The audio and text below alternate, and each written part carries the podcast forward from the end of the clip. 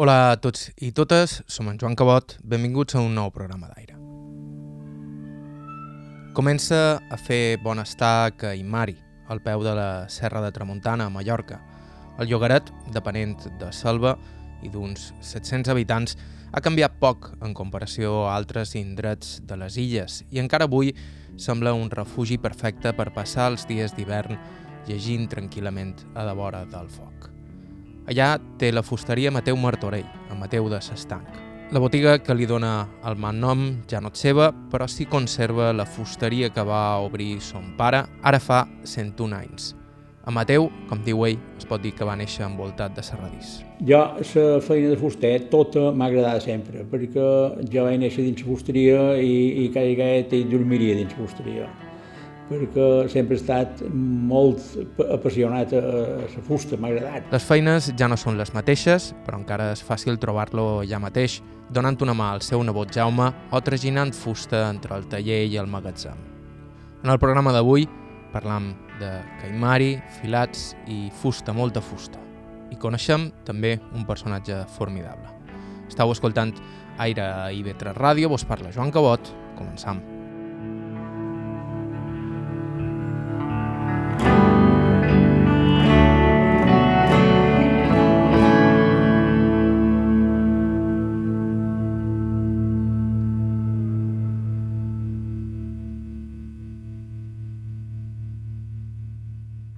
Mateu Martorell, Mateu de S'Estanc, seu a la sala de casa seva, envoltat dels mobles que es va fer ell mateix quan es va casar. Jo som en Mateu Martorell Roger, eh, vaig néixer a Caimari l'any 1938, dia 31 de juliol, i tota la vida l'he fet a Caimari.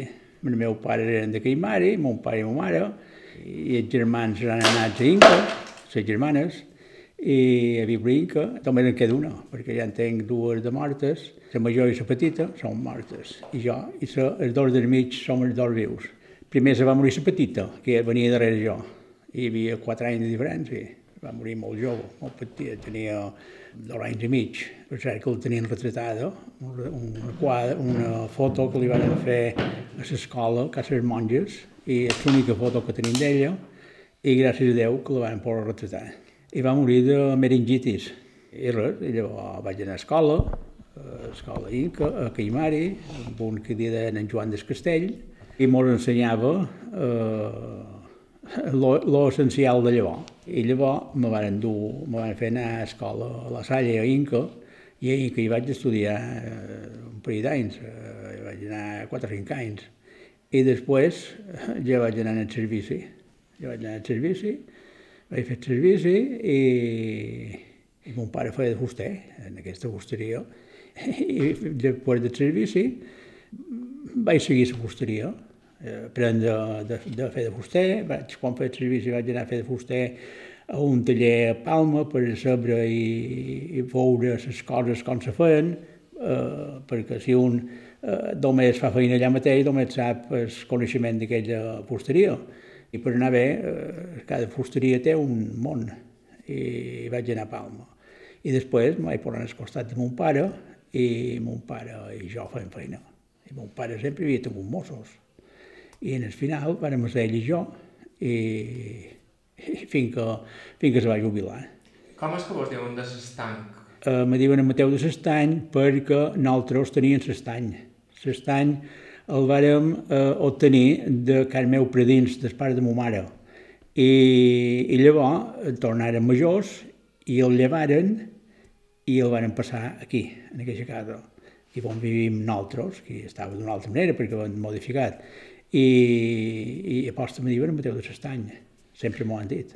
Eh? Sempre van tenir l'estany fins que mon pare eh, se va jubilar i el vàrem aguantar un any o dos més i llavors deixar-me anar perquè la fusteria mos duia molta de feina i, i l'estany hi guanyaves poc i havies d'estar pendent sempre de l'estany. I a més de l'estany també teníem botiga compràvem bessó i meles i, i era una cosa més, era una cosa més. I, i com que llavors no hi havia molt que sobràs havien d'aprofitar tots els racons. I d'aquesta manera eh, tenien l'estany i anàvem a cercar el tabac a Inca i el despatxàvem aquí. El meu predí li deien la Montoni, la Montoni Negra, li deien, eh? I va venir d'Amèrica, va anar a fer les Amèriques, estem de, de, de que hi havia poca marxa per aquí, allà hi van estar, no sé si eren 10, 10 anys o així, i van tornar a venir de cap a Guimari i van fer quatre dobbers allà, I, perquè el meu predí era carboner, i el carbó també, llavors havien de fer molta feina també. I van a fer, van anar a fer feina allà, van fer aquests parell d'anys de fer feina allà, i vengueren en quatre dobbers, van invertir per aquí, i van comprar l'estany, o, o el van agafar d'un altre, que també les deien de l'estany. El, el meu predí no li deien de l'estany, ni la meva predí no. I llavors van, va passar de cap a ma mare, que era filla del predí, i, i fins a darrer fins a la darrera que llavors eh, el van haver d'abandonar, es va fer càrrec una altra família i el duen, el, el duen aquests altres. Eh? Però el van dur molt d'anys, perquè jo me recordo quan era al lot, tenien una cartilla que estava racionat el tabac, i te tocaven, si te tocaven tres casses, havies d'anar a cercar aquelles tres casses, posaven un cunyó en aquella cartilla i ja no en podies treure més. I n'hi havia que aprofitaven la cartilla d'un germà seu que no era fumador i els fumadors feien de tot. La qüestió era fumar. Ara, vas a comprar tabac i, i el, el tabac ros, que llavors era contrabando, eh, ara el compres en el bar. Sí, també n'hi havia de contrabandistes. Hi havia contrabandistes i i, i traginaven tabac, i la gent eh, a lo millor anaven als vespres a traginar el tabac de la barca que duen els, en els secrets, perquè llavors hi havia secrets, i els secrets estaven ocults, eh, estaven camuflats, perquè hi duen els sacs de, de, de tabac. I n'hi havia qui els enduen, i totes les nit caminaven en les acres que no. Eh? I, i guanyaven dobbers d'aquesta manera. I arribava fins aquí, fins a aquell maris tabac? O... I arribava a Lluc, per la calobra, per aquelles possessions de per allà, de mortits i tot això. I llavors els contrabandistes tenien un camionet i el traginaven. I d'aquesta manera, d'aquesta manera marxaven, eh? i molts que n'hi havia que traginaven tabac. Eh? I des de l'estanc només veníeu tabac legal? Nosaltres teníem, veníem el tabac de la tabacalera. I quan agafaven aquest tabac de contrabando, que de vegades feien agafades, el havien d'entregar, la Guàrdia Civil el havien d'entregar a la tabacalera, en l'estany més pròxim, i de vegades en duen de tabac aquí. I d'aquí els havien d'dur la tabacalera. I la tabacalera llavors eh, el, el, el, el fiscalitzava i d'aquesta manera marxaven. Eh. Hombre, llavors sobrava això. Sobrava això perquè era una manera de viure perquè llavors no, no sobrava res, no sobrava res i, i la gent aquí en el poble s'havien de limitar a cuir oliva, eh, tendes d'oliva, llavors feien carbó, agafaven un ranxo que deien, i feien carbó, i se passaven un parell de mesos fent carbó, llavors venia la temporada de cuir oliva, cuien l'oliva, cuien garroves, i llavors ja, ja venien les feines del camp. I això era una manera de viure. I els que tenien feina i volien fer feina, guanyaven dobbers. Això li valia molt de dobbers. Jo me'n recordo quan era lot, que anaven a cuir oliva, i els que tenien olivà, els amos que tenien olivà, eren els que vivien més bé, perquè a sol i llavors una, hi havia mesures, que eren 16 litres, i aquestes mesures valien 100, 100 duros, que eren 500 pessetes, que eren 3 euros ara, ara són 3 euros i, i, i, i un home per fer feina i guanyar 100 duros havia de fer feina un parell de no? no era qüestió d'en dos dies guanyar 100 duros I, i era post que se salvaven perquè el jornal valien poc i els materials que treien valien molt i el carbó també que valia molt. Caimari potser estava llavors més mal comunicat que no ara, però en Mateu comenta que en aquells anys hi havia més habitants al poble, que a poc a poc ha anat veient com molts caimarencs partien a cercar feina a altres bandes, sobretot a Inca i Palma. Quan jo era més jovenet encara era més gran, hi havia més, més habitants, sí, sí. Hi havia... Jo crec que va arribar a ser més de mil. Tira, tira, la gent, després de la postguerra, la gent se va estabilitzar, les coses se van compondre, i aquí feien feina feixuga, perquè havien de fer feina per camp i construcció, i construcció no n'hi havia molt tota. Se n'anaven a Palma, anaven a Palma i allà a Palma hi cabia tothom. I, i allà feien feina, se defensaven d'aquesta manera. I molts anaven a fer feina a Palma i llavors tornaven a venir a viure a Mari. Sí. Aquí hi havia una escola unitària i llavors hi havia un que donava classes, que donava escola que era aquest Joan del Castell, que era perquè aquí l'escola unitària va tenir molta dificultat perquè hi va haver un mestre que, per desgràcia, va tornar loco i tenia la titularitat de, de l'escola i no podien, no, no, i venien a fer escola, el capellà, el capellà del poble, i, i d'aquesta manera funcionava. I aquest home era un, un minor vàlid i havia anat a escola i ensenyava, ensenyava, i va ser de garrot de vegades, perquè no, no era tot explicat. I ensenyava la teoria que hi havia llavors, perquè llavors el poble el que havien de saber era si feien carbó, saber el que pesaven, que llavors hi havia robes, hi havia quintars, hi havia les robes, quan de lliures eren i quan de quilos eren i tota aquesta comèdia. I ensenyava això, la teoria de llavors. Eh?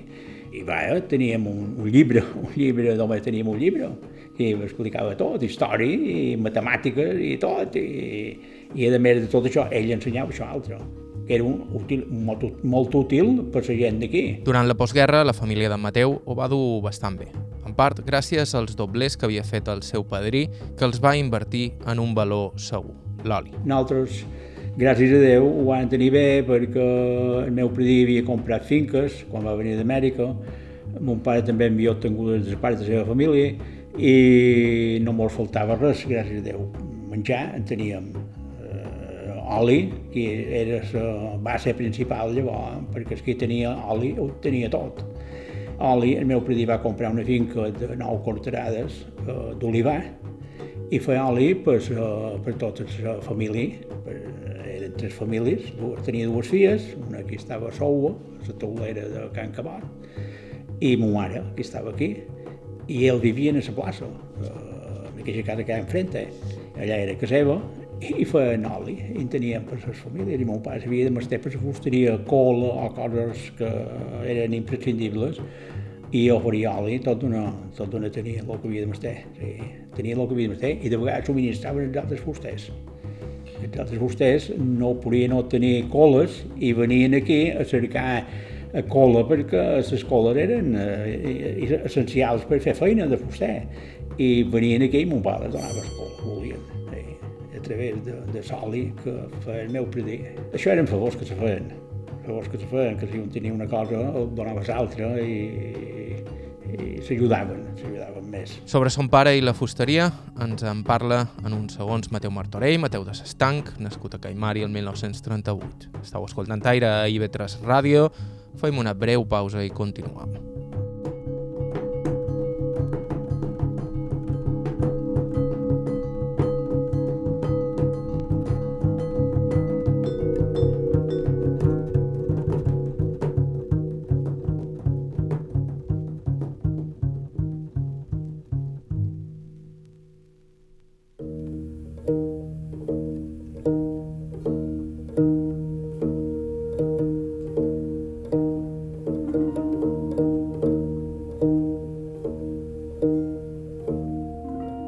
Nou, estàu escoltant TV3 Ràdio, això és Aire. Abans de continuar, vos recordam que sempre estem cercant testimonis, gent amb històries de vida interessants, així que si teniu qualsevol proposta d'entrevista ens podeu escriure a aire.ivetresradio.com aire.ivetresradio.com Avui som a Caimari, amb el fuster Mateu Martorell, Mateu de Sestanc, nascut en aquest petit llagoret de la Serra de Tramuntana el 1938, tercer de quatre fills. En Mateu, com aquell qui diu, va néixer dins la fusteria de son pare i sempre va tenir clar que s'hi dedicaria. Quan xerra del seu progenitor, ho fa encara amb admiració. Mon pare era un home serio, eh, no li agradaven les mentides, molt bona persona, jo tinc molt bon record d'ell, i, i va, va ser un amic meu, el més bon amic que he tingut. I, ma mare també. Vos teníeu clar que vos volíeu dedicar a la fusteria? Sí, jo de petit eh, ja mon pare tenia, com que mon pare va començar a fer de fuster a un mestre que era el mestre Biel Escolar. I allà hi havia quatre o cinc homes que feien feina. Com que no hi havia màquines, havien de fer tota la feina a mà. I després d'una sèrie d'anys se'n va anar a fer feina amb un de Mancó, que li de, se, se deixaven els fusters. Quan un envia de mester, se pelava en els que en tenia i els que en tenia, si n'hi sobraven, les deixava. I llavors se'n va anar a fer feina a Mancó amb mestre Joan, el mestre Joan, també molt bon fuster, i va, va aprendre ell eh, l'ofici de fuster, llavors va anar a Inca, que un fuster que deia la Montgeronió, i també era per aprendre, per aprendre que, que, que anava i, i les deixaven, i així de totes maneres mon pare aprenia les feines que feien els altres i va muntar aquesta, aquesta fusteria, això la va muntar l'any 1920, perquè i jo vaig néixer el 38, sempre va tenir Mossos, mon pare. Mon pare sempre va tenir dos o tres Mossos. I va ser el primer que va tenir una màquina, una sapilla, que en el poble, que no n'hi havia, no hi havia màquines, i s'havia fet tot a base de mà. I les feines s'allargaven molt. I va comprar aquesta màquina, i els altres fusters, n'hi havia dos més, i venien Eh, preparaven les feines i venien a passar, a passar a la màquina a casa nostra. I mon pare les deixava passar la màquina les uh, feines que havien de fer. I d'aquesta manera les funcionava bé a ells. I, home, era un pot de competència, però llavors hi havia més, més bona fe que res. I, va, s'ajudaven molt, s'ajudaven molt. I jo, perquè llavors no hi havia ni corrent, ni hi havia llenya, ni hi havia res, perquè després de la guerra, eh, tot se va aturar. I, i donaven corrent dos dies cada setmana. I havia de fer totes les feines de, que passaven les màquines, les havia de fer aquells dos dies. I la màquina funcionava. I els dies que no hi havia corrent, les havia de fer en la mà. Si t'havia sortit, si havia sortit qualque imprevist, l'havia de fer en la mà. Hi havia de serrar en serres i les maneres manuals que hi havia i jo del lot ja eh, anava per la fusteria, de nin ja anava per la fusteria, eh, a col·legiar, a, a lo millor les desbaratava més que les ajudava, i de vegades me faraven qualque clotellada, també, perquè malament digués mon pare, mon pare no, no em feia cas si me ruixaven les mosques. I sempre m'ha tirat la fusteria, sempre m'ha tirat la fusteria i jo feia coses, feia tonteries, a lo millor per un veïnat, i ara te fa... i estàvem la mare de contents. D'aquesta manera eh, vaig arribar a, haver d'aprendre el timó i van fer molta feina, van fer molta feina aquests anys. Sí. Xerrau de màquines, però les màquines que, que, que devia tenir... Les màquines, encara la conservam, les màquines que tenia mon pare. Sí, les, les, el vostre pare devien ser eh, molt diferents les màquines que hi ha. Claro, ara. sí. Un eje que rodava i un cap tenia per fer forats, per, per fer traus, que nosaltres dèiem, per fer traus, palmes, ensamblatges, i al mig tenia dues cotxilles i rodava i s'apillaves i a l'altre tenia una serra i serrava i d'aquesta manera i posaves colca molt dura perquè llavors eh, les coses eren així.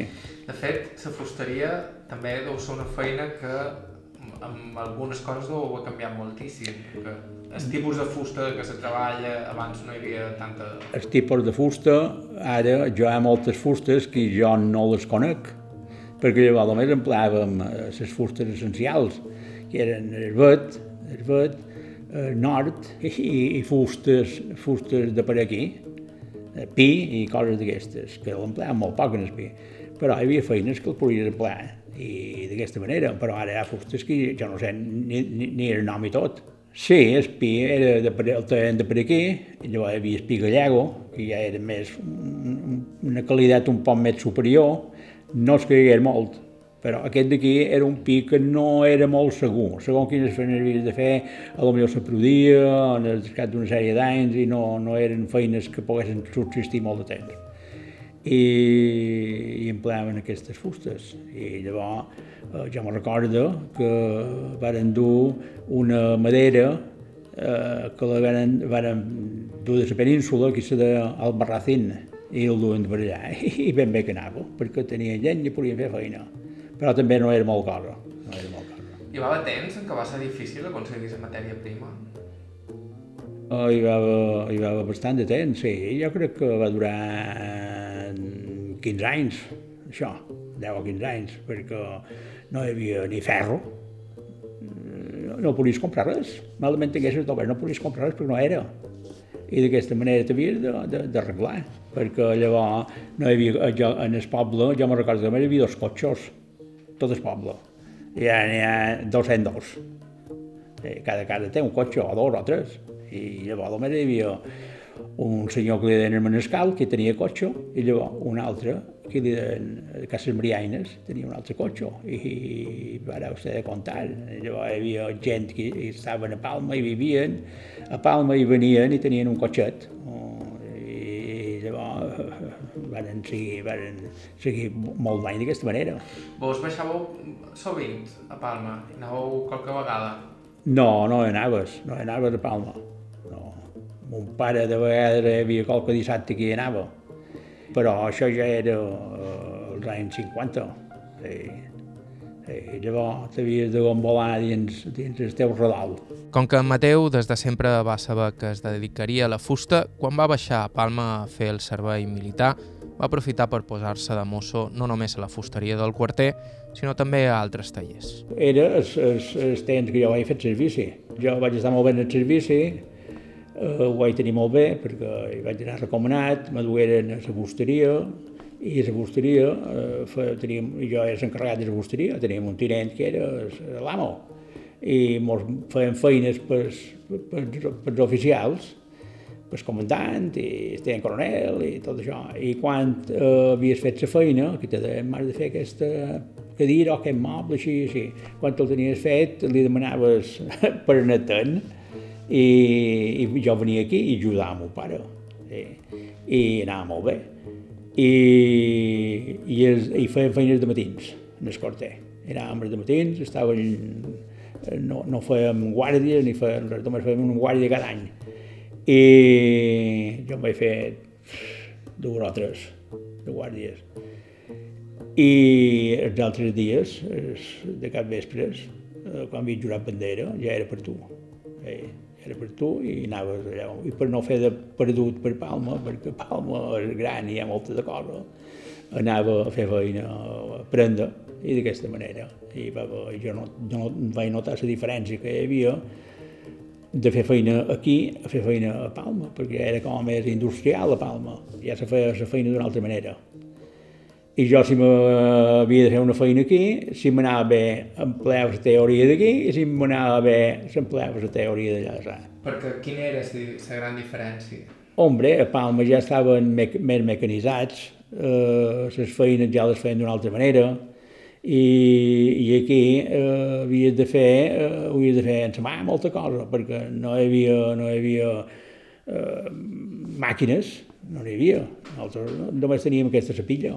I quan jo vaig, vaig començar a estar a posar-me amb mon pare, eh, van comprar cinc fi, i després vaig anar comprant una regruixadora i una premsa i màquines de fer traus i un tupí i tot, tot, tot el que hi ha dins, que ja no hi caben. Nosaltres en el corter, que estàvem a la fusteria, per anar a cercar els taulons, anàvem el magatzem, que ja estaven en combinació amb el corter, anàvem allà i carregàvem el que havíem de mestre i enganxàvem un carro que hi havia en el corter i un mul, i en som dies carro anàvem per, per, per el carrer de Palma a cercar el que havíem de meter en el, en el magatzem de maderes i anàvem carregats fins al corter d'aquesta manera.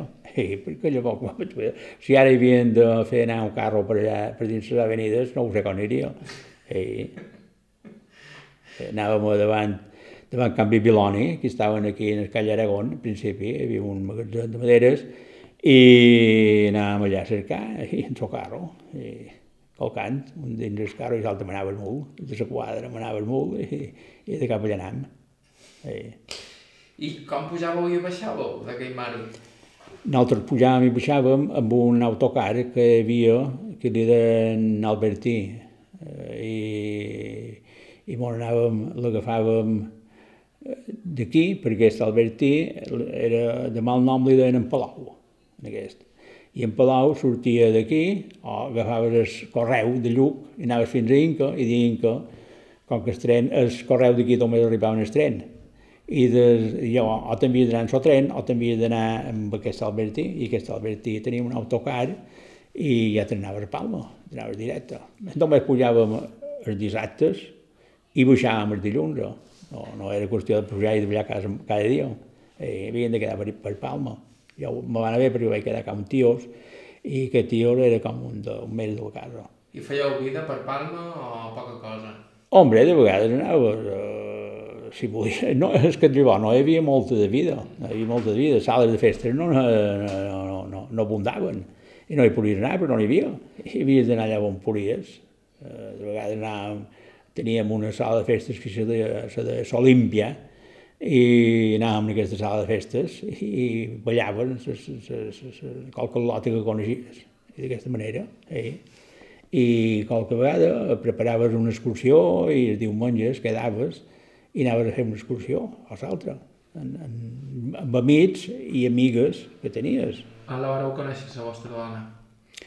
La meva dona, jo de nina ja eh, la vaig conèixer perquè varen venir de Mancó, ella anar de Mancó, i varen venir perquè els seus pares varen d'herència, varen tenir aquest bar que tenim en el costat, per d'un cantoni, que li diuen el bar Cantomeu, i el pare mi Tomeu, i li van posar el nom de bar Cantomeu. I ja varen heredar d'herència aquest bar, i vengueren aquí, i vivien aquí, i, i dels lots, i, i coses dels lots, i d'aquesta manera vàrem, vàrem arrencar. Sí. I de tota la vida, no? Sí, sí, sí, sí, sí. Hombre, quan érem al lot no sabia si m'hi casaria, ni molt menys. Va ser ja després de, de, de, de majors, de, de, de, jo me vaig quedar que tenia 30 anys, i vam festejar 8 o 9, i com que ho tenien tan a prop. I, i un, un any més o un any menys, era igual. A més, com ha dit abans, tampoc és que hi hagués massa distraccions en aquells anys. El seu únic vici conegut, caçar tors. A Caimari sempre hi ha hagut afició, caçar enfilats, i en Mateu, durant anys, pujava cada dia a Tronc d'Alba al seu coll. Jo m'agradava anar a caçar, caçava un coll a Can Beneit, que era un dels millors, i passava, disfrutava d'agafar tors enfilats, enfilats. Anava, passaves molt de gust d'anar a casar, perquè agafaves, com que llavors no hi havia cupo, ara hi ha un cupo i no pot passar el límit del cupo. I antes, potser agafaves 25 o 30 tors a mitja hora i disfrutaves com un loco. I era aquell enfilat de tors que pareixia un trofeu de, de, de, de, de, de, de que havia anat a les Olimpiades. Sí, sí, vaig passar molt de gust. Però tot, tot té un, un començament i un final, eh, perquè llavors eh, aquests puestos són mal d'anar, rost, has de caminar molt, sempre ve per munt, llavors ve per avall. I no és que estigui asfaltat, perquè predes i qualque llenegada i qualque esclat, també. I, i tot això ja ha passat de la història. Va ser un temps molt bo. I, i jo caçava el coll de més en fora a Can Benet hi havia una serra, eh, una serra de colls que encara les cacen. I jo caçava de més en fora, perquè era el més bo, de, era un dels més bons. I l'amo me regalava, me regalava, i s'enfadava si no anava. Tu pagaves, compraves el coll, i encara ara. Compraves el coll, perquè tots els colls tenen un número, i saben aquell coll quin és, perquè tots aquells caçadors saben els colls de pam per pam. Te donaven el mateix coll, i si volies canviar, si un se buidava, canviava. I si no se buidava, sempre havies de seguir amb aquell mateix, o si no, havies d'agafar un altre per una altra banda. I, I aquí hi ha una subhasta de colls, que és societat dels caçadors, subhasta tota aquesta vorera de, de fornassos i tot això, i van a una subhasta. I aquest coll se subhasta cada any. I un any el tens tu, i l'any que ve potser no el tens, perquè un altre paga més. Devíeu tenir bones cames. M'agradava caminar m'agradava caminar i, i t'anaves allà. T'havies d'aturar un paio de pits a descansar perquè era molt mal d'anar, havies de caminar més d'una hora i sempre per amunt. però sempre érem 4 o 5 que pujàvem i un xerrava i l'altre xerrava d'una cosa i l'altre passava el temps i no te daves compte. Cada dia. Cada dia? Cada dia, cada dia, sí, sí. De matí en d'aigua, nosaltres anàvem de matí en d'aigua. Anaves que feia fosca, t'aixecaves potser a les 5 del matí i t'havies d'anar allà i, i uh, en el peu de la costa deixaves el cotxe i a Can Benet és, és vida bona, vida bona. I llavors havies d'agafar per amunt i per amunt i sempre per amunt. I llavors tot el temps era per avall que era més difícil de ballar que pujar perquè de ballant és, és, és més punyetero que no pujar. I, perquè has de frenar sempre, cada passa has d'anar amortiguant els cots i per avall, per avall. Era Mateu Martorell, Mateu de S'Estanc, de Caimari. En uns segons ens mostra el taller de la seva fusteria i la primera màquina que va comprar son pare i que encara funciona. Esteu escoltant Aire a IB3 Ràdio, fem una breu pausa i continuem.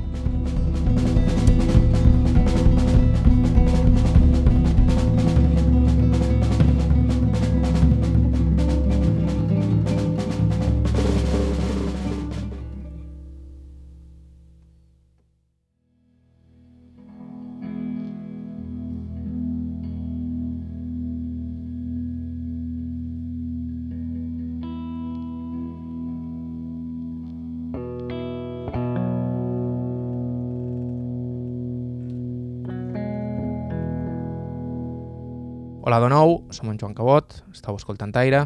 Avui hem pujat a Caimari, al peu de la Serra de Tramuntana, a Mallorca, per visitar la fusteria de Mateu Martorell, que va heretar l'ofici de son pare. En Mateu ens mostra el taller i la primera màquina que va comprar aquell home quan va obrir la fusteria ara fa 101 anys. I de nosaltres, mon pare, va comprar aquesta màquina. Eh, i aquesta màquina tenia el motor i el tenia, estava col·locada de vores portal. I jo li vàrem acoplar el motor, tenia un cunyat jo que era mecànic, i me va acoplar el motor a la màquina. I aquesta màquina ja la podia moure, perquè llavors no la podia moure, la màquina. Perquè devia estar clavada, perquè anava amb una corretja, corretja llarga, el motor estava enfonyat dins un clot, i no se veia, i només sortia el politge, la corretja, i funcionava. Aquesta va veure totes les peripècies del moviment i va, va molt bé. Encara l'empleau? Sí. Sempre tenim, com que sempre has de fer un tall o l'altre, eh. I, i sempre tenim el disco posat i, i l'empleem per això, per fer, a lo millor, treure aquells llistons, mm -hmm. i ha de fer un galze, treure els llistons, i, i funcionava amb aquesta màquina. I ja, sí. Llavors van comprar Sinfi, Sinfi va venir darrere aquesta màquina, Llavors vam comprar aquella premsa, que ja no l'emplem, mm -hmm. vam comprar aquesta reconeixedora, i també no l'emplem, encara encara. Llavors vaig comprar estupí, llavors vam comprar aquesta màquina de fer traus, les marxes, ella mateixa, ara no està enxufada, ella mateixa, quan te marxes te posa en marxa, aquesta cadena te fa els, els traus que feim. I llavors vam comprar aquesta, aquesta d'aquí, i és una fregadora, una fregadora d'aquestes que van a dècimes de mil·límetre. Eh. Eh, era diferent. Això de la màquina aquesta venia a tot el poble, idò? Sí, sí, d'altres costats venien, venien i venien a fer passar i passaven una hora de la màquina o dues hores i feien el que volien. Però quant de temps durava l'electricitat? Que, venia, que venia un parell de cops per setmana, un parell d'hores? I venia, i llavors cada punt se n'anava si feia un tro no, a més, era poc estable, sí, dir que igual sí, sí. l'esperaves i... Sí, i estava a millor midi a venir. I, i aquí donaven, donaven corrent de l'altre picar a setmana, de l'altre dia. I aquí teníem la màquina, la teníem allà on era Cinti, aquest clot, aquí, va, aquí hi havia el motor de la màquina, i anava amb la corretja, ja t'he dit, sortia, el motor estava enfonyat, i perquè aquestes màquines quan les venien l'han de tenir a tant de metres de diferència, de, de distància del motor a, perquè se politja, perquè funcionava bé bé, teories de llavors. I, i aquí eh, la teníem allà, i teníem una, una bombilla, una bombilla, i amb un cable, amb un fil, cal de roba que hi havia antics, que la feies córrer amb un ganxo, la, la, la feies córrer de cap en el banc o la feies córrer a la màquina, aquella bombilla. I d'aquesta manera, d'aquesta manera anava. Perquè venies vespre. Eh, venies vespre, sobre baixes, i ara en aquestes hores, si no tens llum, eh, no pot fer res. I només hi havia aquesta bombilla, no n'hi havia més.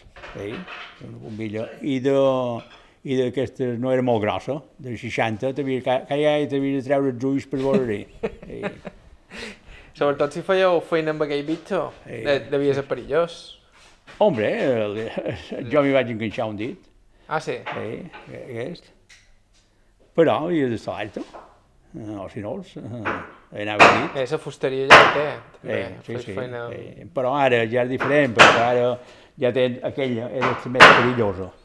I ara ja tens eh, aquell, aquell aparat, és un electrobans, Mm. que te fa passar les, les barres, ja no hi costa les mans. Eh, aquesta també li enfonyes la barra per un costat i, i surt per aquí, ja, ja aquí enmig que hi ha el perill està tot tapat. Ja no. Eh, diferent d'aquesta, que potser una escapada, una escapada t'enganxa. I la fusteria està aquí mateix des de 1920. Uh, aquesta fusteria, mon pare la va començar, la va iniciar a la carretera. La carretera, vivien a la carretera, allà on hi havia uh, un forn i tenien una casa vella i la va començar allà. Uh, va començar a fer allà i llavors un tio seu que se'n va anar uh, juntament amb el meu predí a Amèrica uh, tenia aquesta casa i com que no sabia llegir ni escriure, uh, després de venir d'Amèrica, uh, qui per cert va ser, era el predí d'en Pedro Roger, des qui va ser baladinco, aquest. I el meu predí i ells se n'anaren a Amèrica, a Tucumán, a fer carbó. I aquest tio també va venir després, el seu predí, i tenia aquesta casa, i va dir a ma mare, ma mare va estudiar de, allà a Tucumán, va estudiar la carrera de mestre d'escola. I sabia, sabia escriure i sabia tot això era. I li llegia les cartes. I li escrivia les cartes, perquè tot, llavors tot anaven cartes, no hi havia telèfon. I, i li llegia les cartes i li escrivia les cartes. I, i se'n van anar a Inca i li va dir, mare, de comprar la casa. Mon pare fredí encara, i feia feina allà. I, I aquí ja hi havia una cotxeria, era la casa, allà on érem nosaltres, i aquesta cotxeria, que era un triàngul, i, i li va comprar, li va comprar la casa i la cotxeria. I llavors en, se va establir aquí, establir, d'allà ja va passar aquí. I aquí, aquí estem.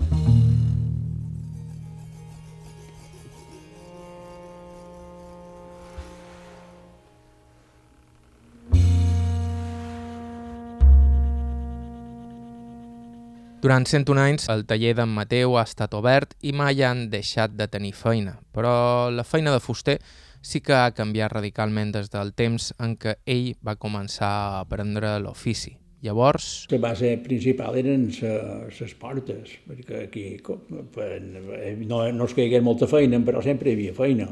I nosaltres sempre ens hem dedicat portes i persianes i tot això, i, i orquestra, mobles.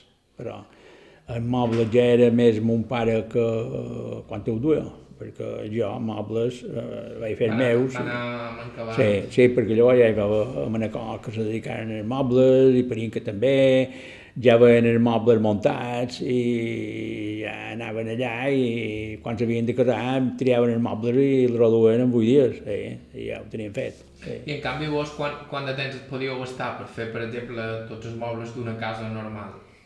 Hombre, llavors un parell de mesos, te donaven feina, te donaven, te duaven, te duaven feina, perquè els mobles d'una casa comences a, a l'entrada i acabes en el corral. Saps que n'hi ha de mobles i les fes, i això durava un parell de mesos. Així com les volies client, així com les volies client les fèiem. Client me deia, jo triaven, jo vull aquest, aquesta aparadora o aquest dormitori i el mar de fer. Hombre, aquesta taula duia feina perquè aquesta taula té, és extensible, té els seus mecanismes d'estendre les ales i duia un pot de feina, un pot de feina, i més que nosaltres ho fèiem en coneixement, coneixement perquè els ensembles havien de passar ben juts i no, no, no se podien moure, i és, i és aposta que duren. Perquè cada cadires, aquestes cadires tenen, ara tenen, aquelles cadires deuen tenir 55 anys i són tan noves ara com antes. Tot, tot, i la vitrina, i tot, eh, tot. I dins el quarto, roperos, i el llit, i la vestidora, i cadires, i butaques, tot era fet nostre. Tot ho veiem. Tenies unes, unes làmines, unes fotos, i damunt d'aquelles fotos anaves fent en, en so gust que, que veies els mobles que estaven dibuixats allà i, i les feies. Teníem un catàleg i teníem, llavors havies de treure les plantilles, perquè ara aquestes, aquestes cames, tot això són plantilles castretes, que encara hi són per la fusteria i fes, a lo millor, balancins, i també havies de fer les plantilles per tenir balancins, perquè llavors quan tenies les plantilles fetes, llavors ja, ja, tenies, ja tenies molta cosa feta, perquè anaves amb aquelles plantilles i sabies que, aquell, que aquella barra que havies teada era exacta el que havies de mestre, per damunt de la plantilla, i funcionava així. I les plantilles que eren en paper o... No, no, no, no en, tablera, en tablera, en fusta, fusta, i encara les tenim, encara, encara estan penjades. Dibuixaves, dibuixaves eh, el que havies de fer en, en un tablero i feies les curves i quan veies que allò estava més o menys així com tu volies, eh, ho roteaves, roteaves aquell tablero i tenies aquella post, era com una post, i aquella post era la plantilla i les feies de tablero o de fusta de post, prima, perquè a lo millor havies d'emplear eh, 50 pits en, aquell, en, aquella, en aquella plantilla, perquè i una plantilla com més, com més l'emplees, més se deteriora i així no se deteriorava gens. I llavors, com que no hi havia per, per canviar, perquè no hi havia dos bes tampoc. I per fer una cadira o dues o tres, eh, havies de... Jo, quan me vaig casar, com ens casàrem, tots aquests mobles que veus són fets meus els quartos, dormitoris i entrada, tot, tot és fet meu, no hi ha cap moble. I, i, i llavors feien mobles, nosaltres feien mobles, feien el que sortia, perquè eh, si sortien portes, feien portes, si sortien mobles, feien mobles, ho, ho feien tot, i no, havia, no podia deixar passar res.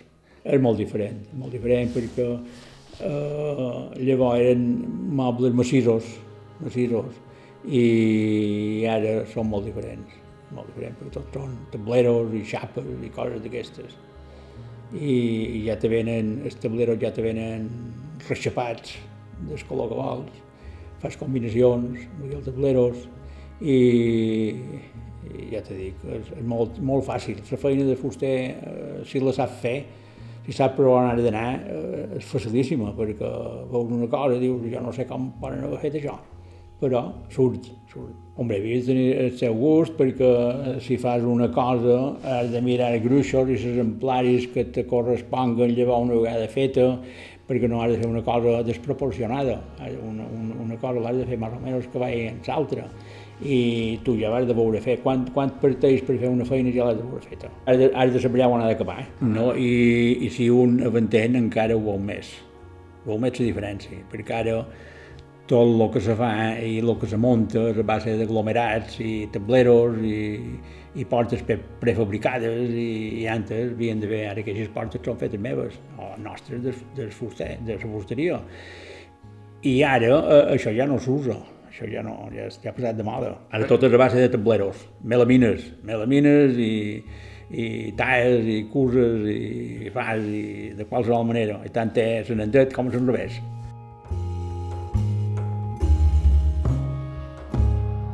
Jo, la feina de fuster, tota m'ha agradat sempre, perquè jo vaig néixer dins la fusteria i, i vegada hi dormiria dins la fusteria, perquè sempre he estat molt apassionat a, la fusta, m'ha agradat, m'ha agradat la fusta i he ensenyat, he ensenyat un parell i, i quan les tenies ensenyat te fugien, perquè quan ensenyes, ensenyes un, un mosso que dèiem, du molta feina perquè li has d'estar molt damunt, i has d'estar molt alerta que no se faci un tall o que no se talli res.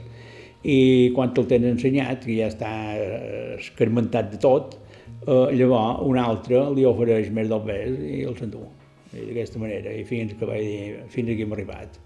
I vaig ensenyar quatre, quatre, i per fer feina, però els primers anys que el tens hi perds, perquè li has d'estar molt damunt, no sap fer res, i ni sap agafar les eines, ni sap fer res, li has d'estar molt damunt.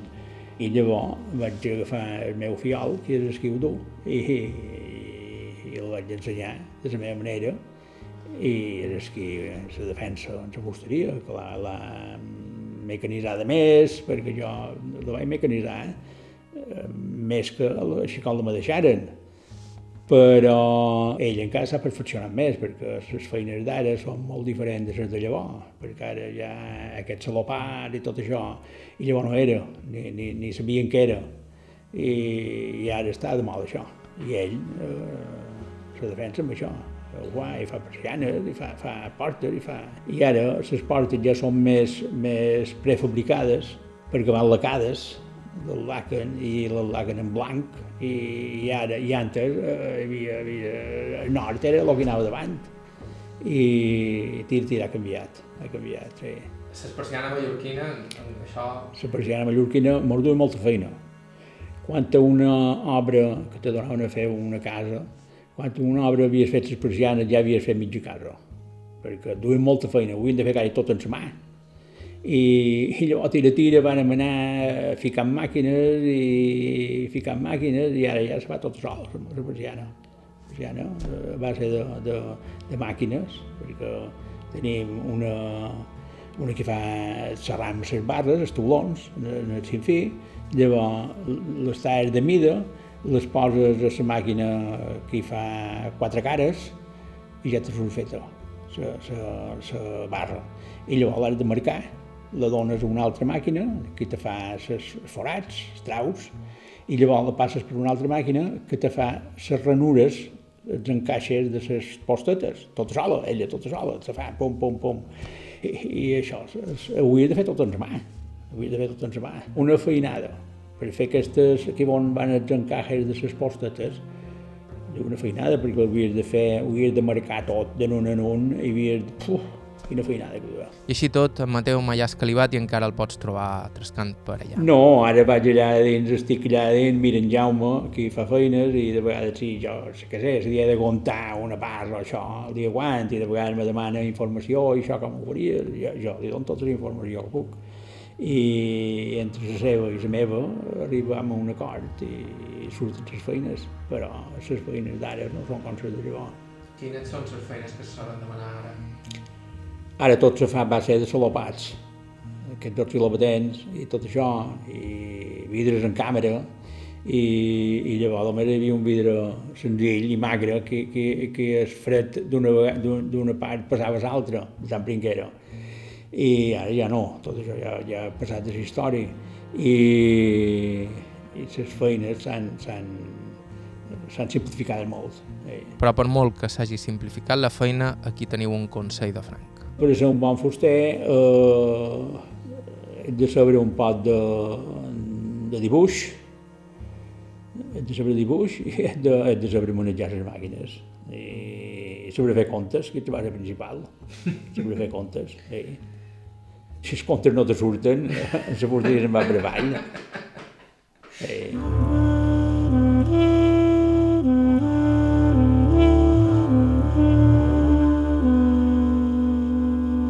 Fins aquí el programa d'avui. Gràcies a Mateu Martorell pel seu temps i amabilitat i gràcies a Toni Mateu per la idea i el contacte. Ja sabeu que si ens voleu proposar alguna entrevista ens podeu escriure a aire.ivetresradio.com Vos podeu subscriure al podcast d'Aire a qualsevol dels agregadors disponibles i a ivetres.org barra carta i trobareu tot l'arxiu del programa. La música que ha sonat avui ha estat de Joshua Abrams, Marisa Anderson i Charles Rumbach. Bàrbara Ferrer a la producció executiva, us ha parlat Joan Cabot, gràcies per ser a l'altre costat i fins la setmana que ve.